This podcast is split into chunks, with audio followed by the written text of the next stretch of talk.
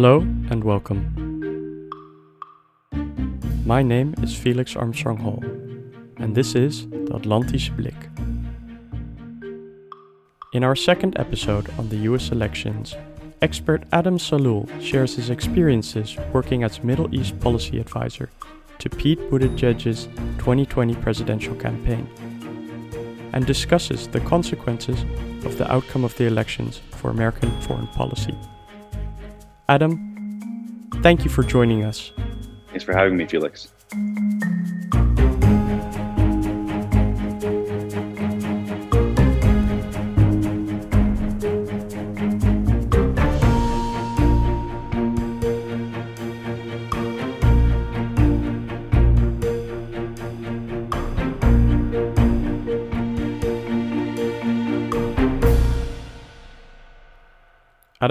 Welcome on the Atlantische. We were wondering if you could start off by telling us how you got involved as a Middle Eastern foreign policy advisor for Pete Buttigieg's 2020 presidential campaign. Certainly. Uh, so, uh, you know, a, a, year and a half ago or so, uh, it looked like the Democratic uh, uh, primary was uh, becoming incredibly crowded. You know, I think that's a testament to the bright future of the US Democratic Party in terms of its diversity, cross generational, folks from the far left to the center left. But being from the Midwest, from Chicago myself, um, uh, and having been familiar with uh, Pete Buttigieg when he was Mayor Pete uh, in South Bend, Indiana, which is close to Chicago, um, I was familiar with his track record, and I was, you know, drawn towards his Midwest style of being able to reach voters, uh, particularly voters who might be, you know, what are described as uh, purple voters, folks who might have been former Republicans or who typically vote uh, Republican, given how important it is to unify the country, um, I felt like Pete was the right candidate for this moment. And, uh, you know, I would also um, say that I'm biased, uh, being that I am a millennial. Uh, I thought it was time for a generational change in the White House. Um, and, uh, you know, Pete's campaign was a historic uh, campaign in its own right.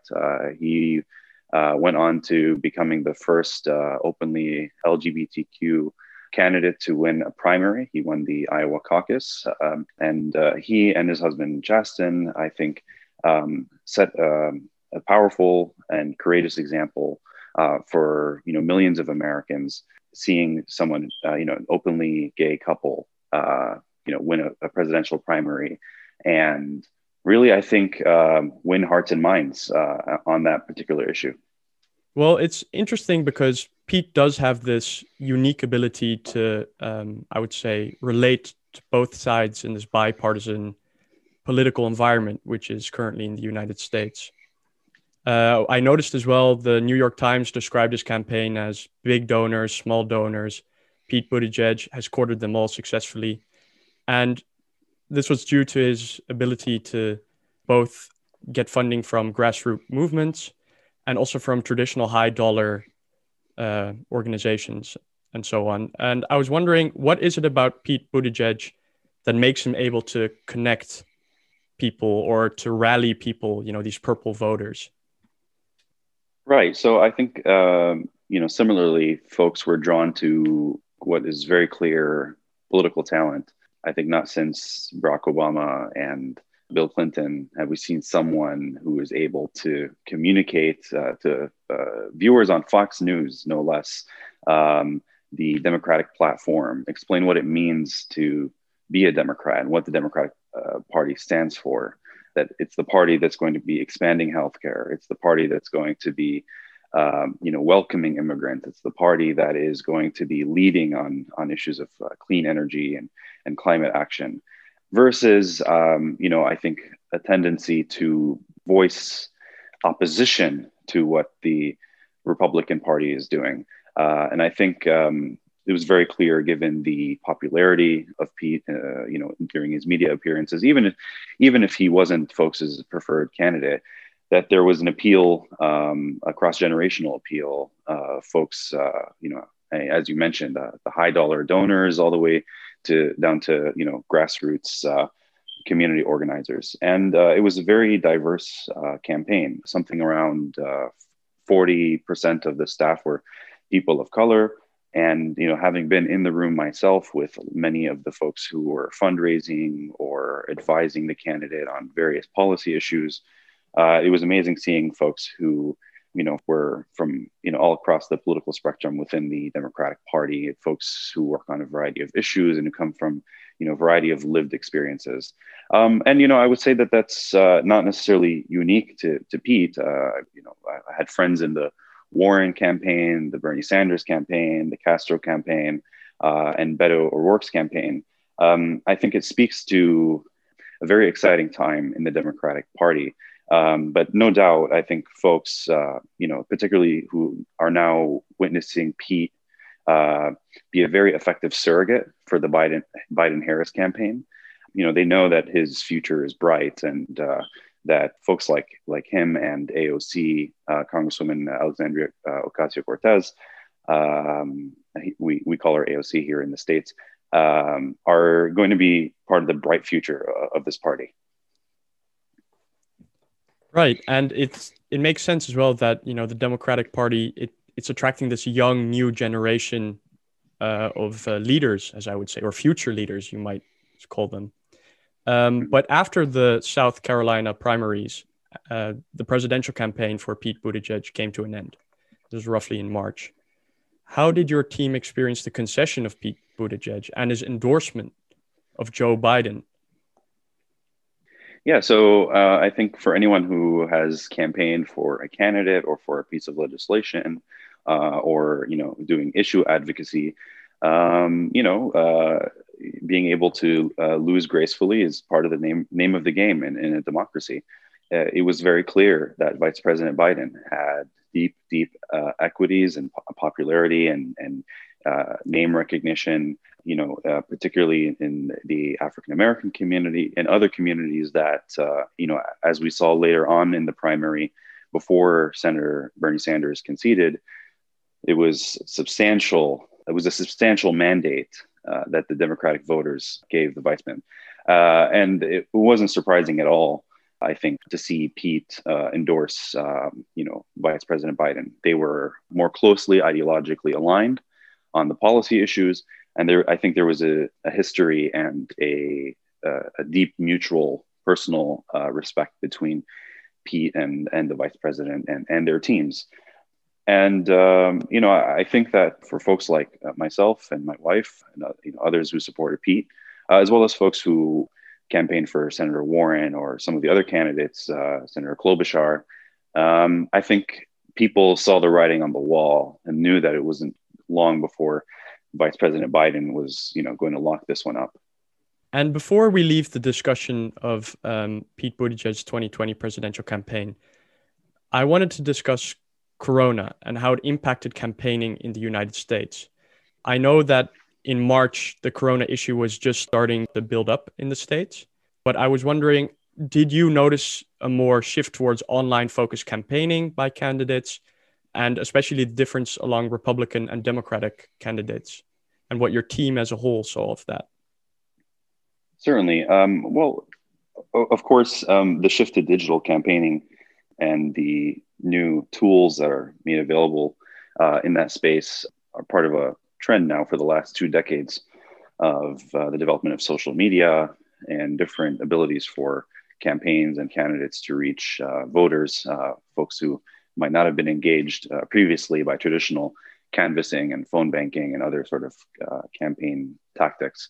But you know, it was very clear that when when COVID hit, when COVID 19 hit, uh, that digital was going to be uh, heavily relied on. And um, from my very uh, superficial understanding of, of, of uh, how those uh, tools are used and, and, developed by a campaign, it was uh, you know apparent that Vice President Biden's campaign was going to draw on the talent from across the the Democratic primary field, uh, the the campaign staffers from all the different candidates uh, who are very skilled at um, reaching voters who might speak, uh, you know, Spanish uh, or Arabic or other languages. Um, And uh, I think it's an exciting time for folks who are in politics, um, you know, particularly those who care about reaching underrepresented communities uh, in the electorate. But at the same time, you still have Trump who is organizing these rallies regardless of COVID that might play into his policies of trying to downplay the coronavirus in the United States. Uh, but it's interesting to see the different approaches that the Democrats and the Republicans are taking.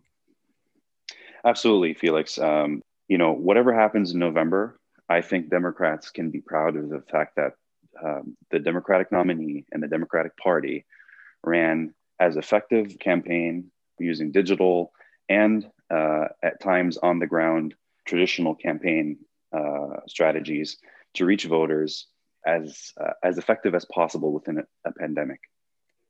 Now, regardless of who wins the election, in what terms has COVID taken over the usual kitchen table policies which are discussed? Well, I, I think that there's uh, there are certain issues that uh, I wouldn't call non-negotiable, uh, but are you know subject to a lot of the same uh, dogmatism. You know, big government versus small government, social safety net versus non-social safety net, immigration. Um, you know, those uh, conversations are often dichotomous. they're often highly ideological, and they don't tend to change very often. But on certain issues like um, national security, uh, a president who is willing to keep quiet while Vladimir Putin places bounties on US soldiers' heads in Afghanistan, hmm. um, or the handling of a pandemic, or the president embarrassing himself at a G20 or NATO summit, that uh, has drawn so many Republican voters and independents to vote for Joe Biden. Uh, it's what drew the um, the, the wife of the late great uh, Senator John McCain to endorse Joe Biden, uh, Cindy McCain in Arizona. And, uh, you know, I think that that is uh, a reason for some people that they've just had enough with this president and maybe they've lost a loved one. Maybe their small business isn't doing too well.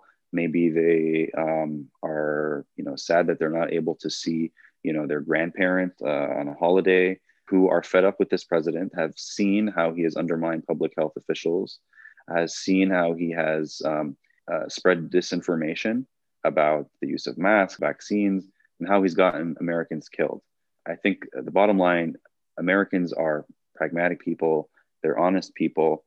And when they see something as blatant as what the, the president has done, I have faith that they will, you know, vote accordingly. Right. And in the end, it may even be Donald Trump's hubris, dogged stance of trying to uh, downplay the coronavirus, which may be his, his undoing. I wanted to ask one more question about Pete Buttigieg. What role will Pete Buttigieg play in the future of American politics in the next decade? Uh, Biden has stated that uh, Pete would play a role in his new administration if he's elected. Are we seeing a new leader here well, you'd have to ask Pete Buttigieg uh, or folks mm-hmm. who uh, you know you know know him best. Um, there's no predicting whether the vice president wins um, and what uh, equities various uh, uh, stakeholders uh, within the Democratic, the large Democratic tent have, and um, you know what a potential administration will look like within the first 100 days or thereafter during a pandemic. Um, but uh, we do know that Vice President Biden has pledged to make sure that his administration uh, looks like and reflects uh, the, di- uh, the diversity uh, of the United States. Um, and so that might be an interesting time for folks like Pete, uh, you know, folks like, you know, a lot of people are talking about Senator Warren for the, you know, to be the Secretary of the Treasury. those are just, you know, names that people are, are, are you know, just spitballing but it is an exciting time um, in thinking about you know the urgency of reclaiming U.S. leadership on the world stage and fixing a lot of the problems at home, economic problems, the pandemic, uh, the issues of social unrest and social injustice, the criminal justice reform. That's going to take you know all hands on deck and voices from communities that might not have been represented in prior administrations to be you know at the table that's a nice way of looking at it that everyone can have this hands-on mentality and together we can get the job done Now, moving on to our next topic of discussion, would you mind telling us a little bit about your personal uh, in the field experience in the Middle East, as well as uh, your academic and professional career? And from that vantage point, how do you view Trump's policies in the Middle East? Sure. Uh, so, you know, I'm currently a foreign policy researcher based in Washington, D.C. Um, I studied international security. I got a master's degree from the Fletcher School of Law and Diplomacy uh, at Tufts University. Uh, and before that, I was a researcher at the Atlantic Council uh, in Washington, D.C. And um, uh, I worked uh, previously in southern Turkey on the Turkey Syria border uh, in the humanitarian space. I was um, an advocacy officer and researcher of war crimes that were being committed against humanitarian workers uh, in Syria. Uh, many of your listeners might remember the 2016 siege of Aleppo in northern Syria, mm, yes, uh, and how attacks on hospitals uh, were driving, you know, obviously uh, casualties, but also displacement uh, from Syria. And incidentally, as well, Felix, this might be of interest to you. Um, I also um, helped research about the use of chemical weapons by the Syrian government uh, in Syria. That, so there's a, a connection with um, someone who's in the chemical engineering uh, industry, uh, though a, on, a, on a, a, far more lethal connection there. My uh, you know experience and my you know my view of the region and uh, the role of the U.S. in the Middle East is uh, without doubt shaped by my background as a first generation American of Syrian origin. My parents immigrated from Syria uh, in the 80s. Um, and, you know, my uh, first entry into policy and politics uh, was um, out of a desire to ensure that voices uh, like those from my community and other diaspora communities were represented in the policy space. It no doubt makes for uh, more sound policy having folks who um, have lived on the ground and understand the cultural, linguistic, uh, and religious nuances of the region. Uh, it's it's also you know out of a desire um, to further U.S. foreign policy that uh, both protects and advances uh, America's interests, uh, but also uh, ensures that those policies are establishing a framework where the people of the region can live and prosper uh, in security and with uh, opportunities. I uh, was in college when the Arab Spring, uh, you know, was happening, and you know that was a time of immense, uh, you know, optimism and hope for the region. The region is in a very different place right now. Um, for a variety of reasons, both uh, you know push and pull factors, external and you know endogenous, um, and um, without question, the Trump administration has furthered the conditions that uh, are, you know, accelerating the violence in various conflicts um, uh, that are leading to our allies and partners in the region to make reckless decisions for uh, both reasons that are, you know, related to the United States' lack of leadership in certain conflicts, uh, but also the enabling role that U.S. Uh, uh, that the U.S. Uh, security umbrella, that Trump's political support to certain unsavory actors in the region might be playing. Um, you know, in the in the context that I'm most familiar with, um, you know, the, the Syrian conflict, uh, you know, there were many folks uh, who believed, uh, including within the Obama administration, that President Obama could have done a lot more to uh, push actors to the negotiating table with the use of military leverage with our NATO partners. There could have been uh, something of you know resembling uh, the peace accords that took place in the Balkans in the 90s under President Clinton. You know, for those of us who care a lot about mass atrocity prevention and preventing genocide, the, the case was very clear in Syria that perhaps more could have been done. And you hear this from Secretary Clinton, Secretary of Defense uh, Robert Gates, Leon Panetta, other folks who served within the administration that more was to be desired. Um, Donald Trump has seen Syria as nothing more of an appendage to his maximum pressure policy against Iran, uh, as well as you know perhaps a legacy item that he can use to you know spite Obama, Obama's legacy in the region. After the chemical attacks in 2017, uh, early on when uh, uh, President Trump had, had, had assumed office, um, there was hope that perhaps President Trump might take a more proactive role in Syria, given that what happens in Syria clearly cannot stay in Syria. As many of your listeners know, the refugee crisis, the global refugee crisis that came to Europe's shores and through the Balkan route was catalyzed by the Syrian conflict. And so there was hope that Trump might play a more proactive role in Syria. Um, he attacked empty warehouses in 2017 and pretended that the US had enforced a red line on chemical weapons where President Obama had not. But in fact, we've just seen President Trump act in Syria as he's acted with Iran, with Russia, with China. Uh, lots of bluster and uh, this uh, hyper nationalism, and uh, you know, appealing to his base uh, with nothing to show for it. Not on trade deals uh, and the trade wars with China, not on the situation you know between the U.S. and Iran, where the maximum pressure campaign has really resulted in more violence in the region, more instability, and uh, has stoked the, the Iranian threat in the region, a very real threat, uh, nonetheless, uh, but uh, has done nothing to advance U.S. Uh, interests in the region. Um, has pushed Iran toward, you know, potentially being able to make a run for a uh, nuclear weapon. Um, has broken American credibility in places like Syria by, you know, his decision to tweet that the US is withdrawing from Syria and then is no longer withdrawing and then is withdrawing from Syria, undermining his generals, leading to Secretary of Defense Mattis uh, resigning in protest, um, potentially abandoning our Syrian democratic allies in northeast Syria. You know, all of this is just one messy cocktail of uh, chaos.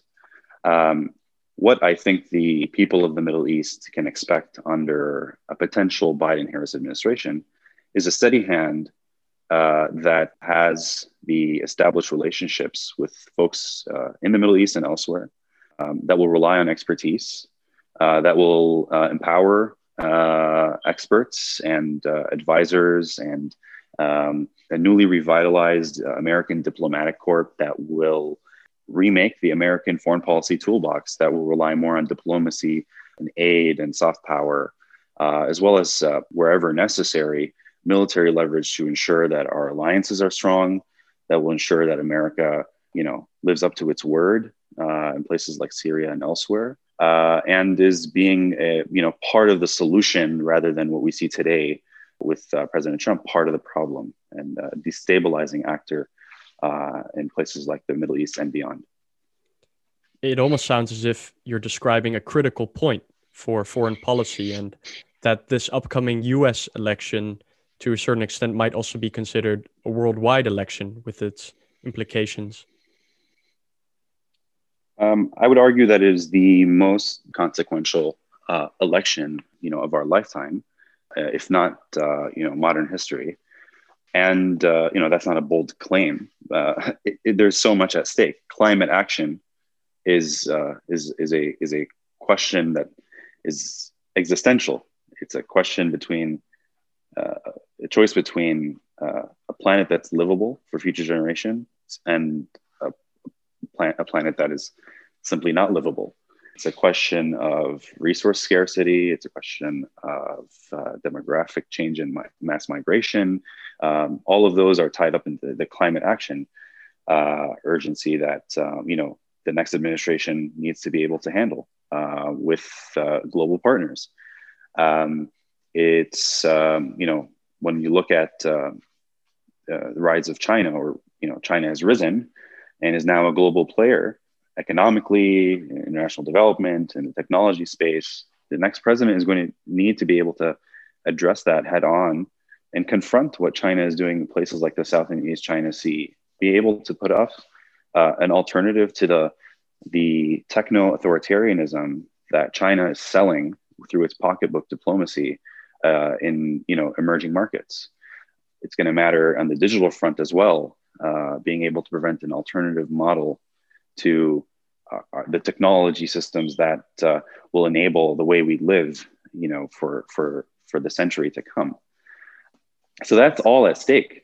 Um, and uh, for those who, you know, are closely observing the transatlantic partnership, either through NATO or through uh, people diplomacy, through the longstanding U.S. relationship uh, with uh, the European Union and various European allies.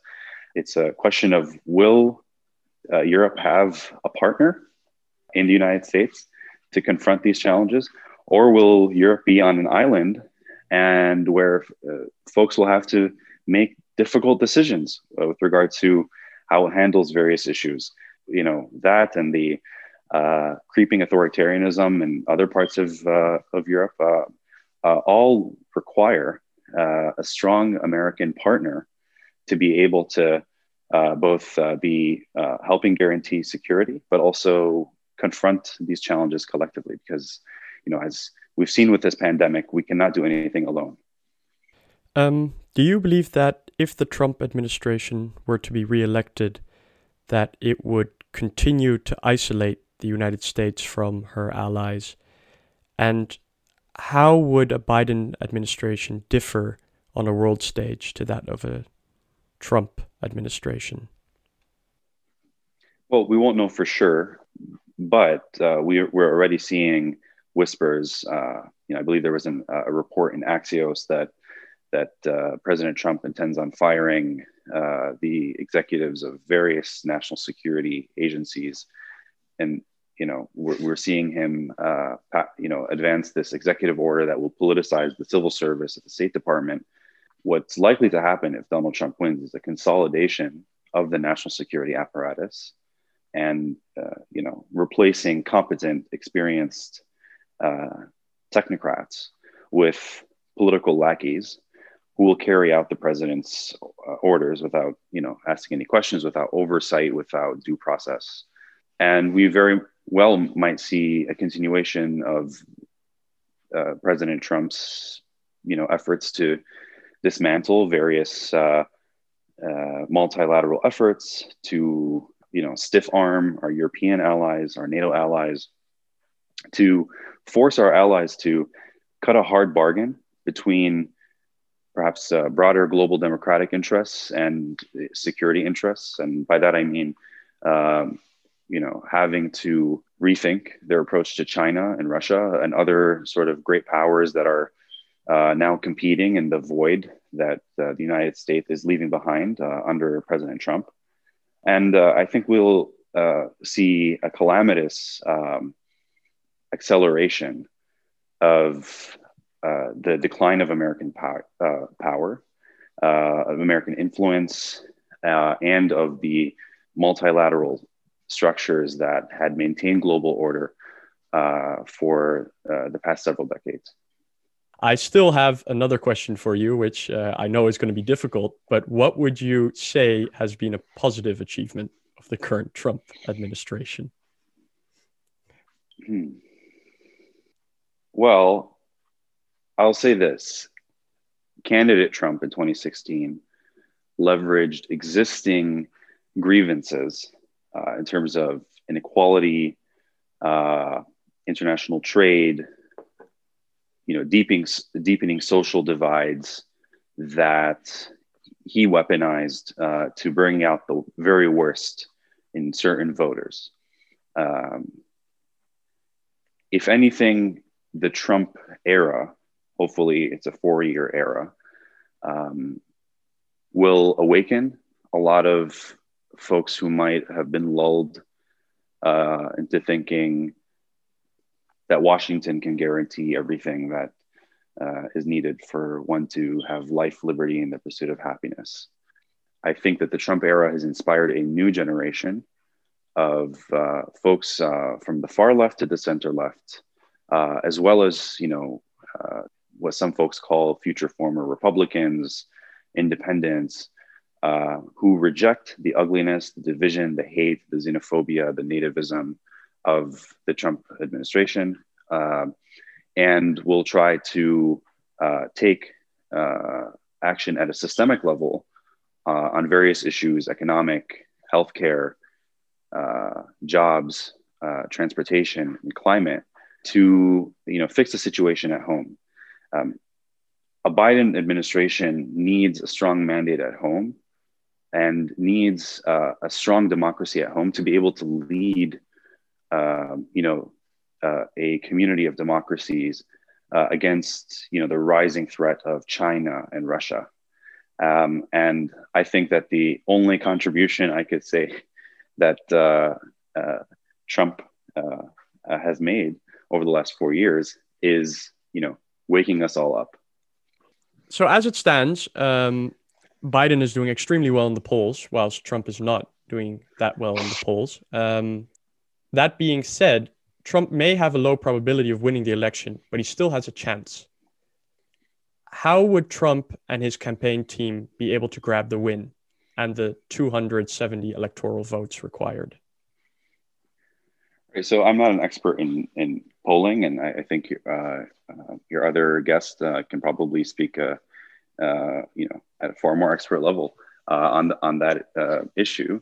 but I think um, humility is key here. 2016 came as a shock. The, the victory in 2016 came as a shock to many folks who thought that you know the polling was reliable and that um, you know Secretary Clinton had this locked up. Um, folks are saying that the polling is far more accurate uh, this time around. Um, you know, I think one can be cautiously optimistic uh, in this case. Um, there are a lot of things that uh, the Trump campaign can do to undermine uh, the legitimacy of the elections, to undermine uh, uh, voting counts, and perhaps even to undermine the mandates of a potential Biden-Harris administration. Um, much of that will, you know, resemble uh, the legal battles uh, that we saw in the 2000 election between Bush Gore, uh, but on steroids. Already, there are legal actions being taken uh, to undermine the, you know, vote by mail, the early voting uh, regulations in various states. Um, and I think, you know, most Americans aren't holding their breath for an immediate result on November 3rd. Another interesting aspect now is that um, already over 70 million people have been predicted to have voted by mail and in advance uh, and so on. And it feels, in my opinion, that there is going to be a large turnout for this election. And I was wondering, how does it feel being in the United States currently? Do you do you feel like people around you are more excited to vote and um, they're willing to to spend the time in the queues or to you know organize their meal and vote well, what's the general feeling of the states at the moment in Washington and in Chicago? Well, arguably, I think this has been um, the you know the at least from my perspective, the most uh, excited I've seen folks to get out and vote, uh, to volunteer, uh, and so on. You know, we're seeing a lot of celebrity activism. We're seeing a lot of uh, uh, celebrity and surrogate activity from uh, like communities like the African American or the Asian American Pacific Islander community, the Latino community, the Middle Eastern American community. You know, we're hearing uh, that uh, you know there's reports that the youth vote is is uh, uh, already playing a significant role. Uh, you know, it, it's not hard to to guess who most young people are voting for. So there there are encouraging signs, but at the same time, I think we need you know to have you know have a fire held to our feet you know we want to make sure that folks feel the sense of urgency and understand what is at stake if not only for the uh, the leader of the democratic ticket but also for down ballot races you know the judges the state representatives the county uh, executives the commissioners the governors lieutenant governors the various um, elections are also at stake a lot of key issues uh, are decided by states and cities. And I think that is where typically we have a lot of atrophy in terms of having folks engaged and, and understanding what's at stake locally.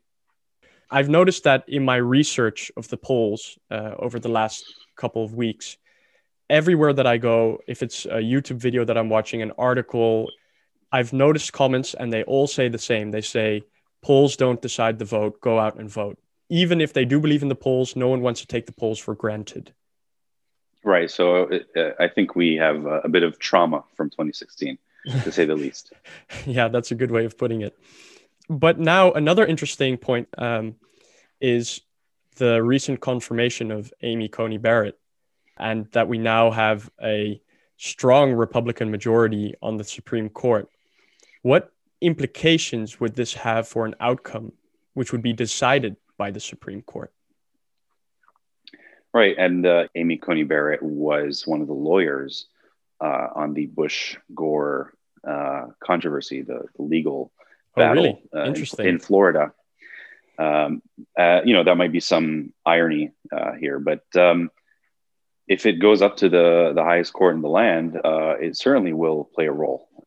And, um, you know, I think that's just what's so worrying and disingenuous and corrupt about uh, the way the uh, Republicans uh, in the Senate uh, advanced her nomination process, despite you know their longstanding rule not to uh, advance a nomination for the Supreme Court during an election season.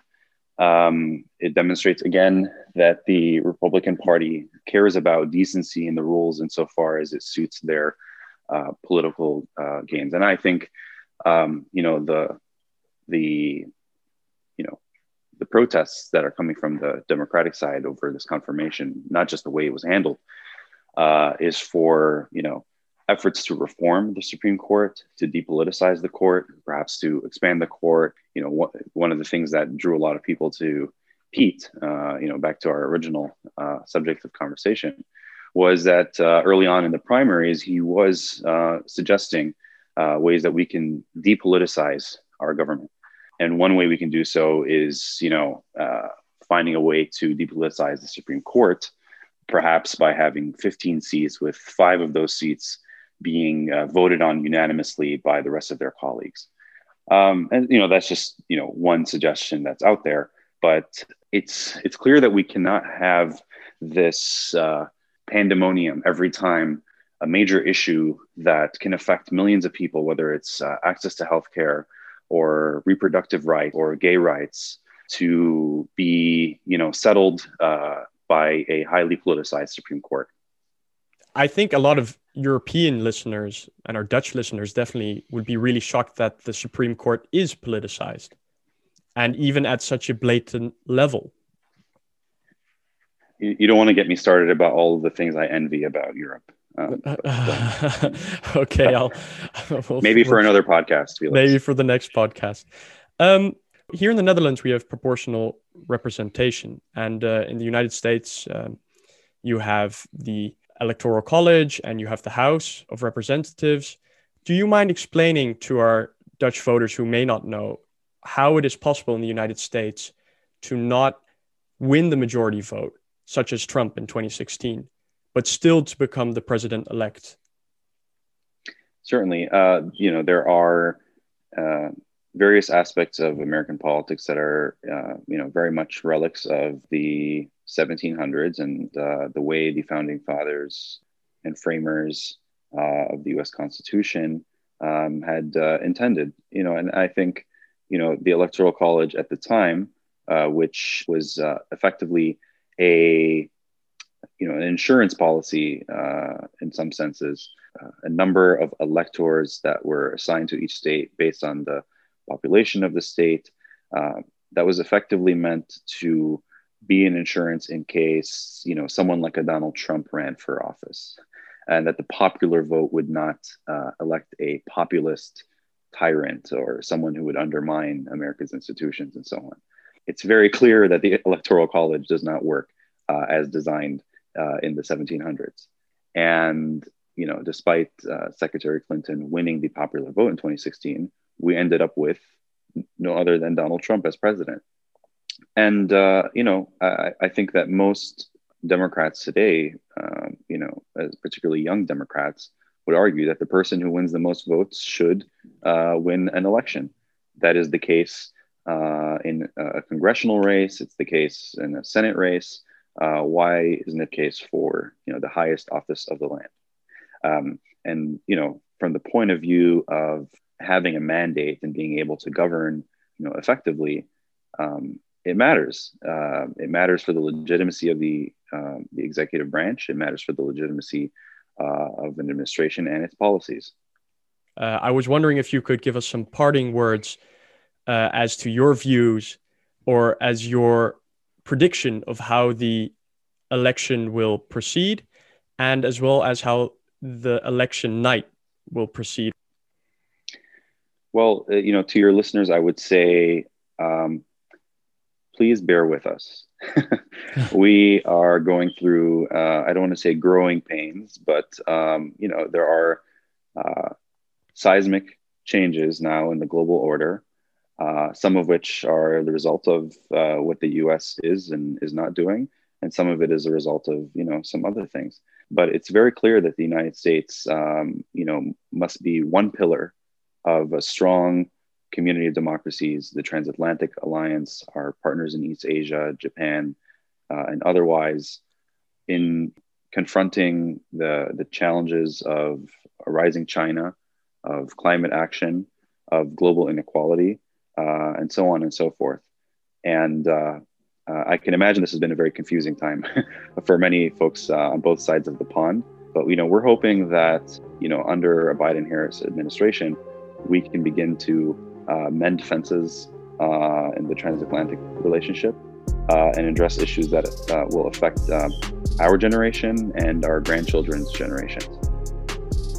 And I think that positive ending really stands testament to the strong relations that the United States has with Europe and hopefully will continue to have for a long time.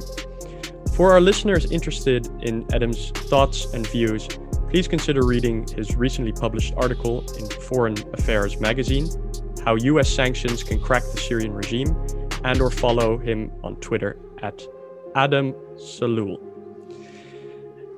Adam Salul, thank you very much and it's been a pleasure. Thanks for having me, Felix.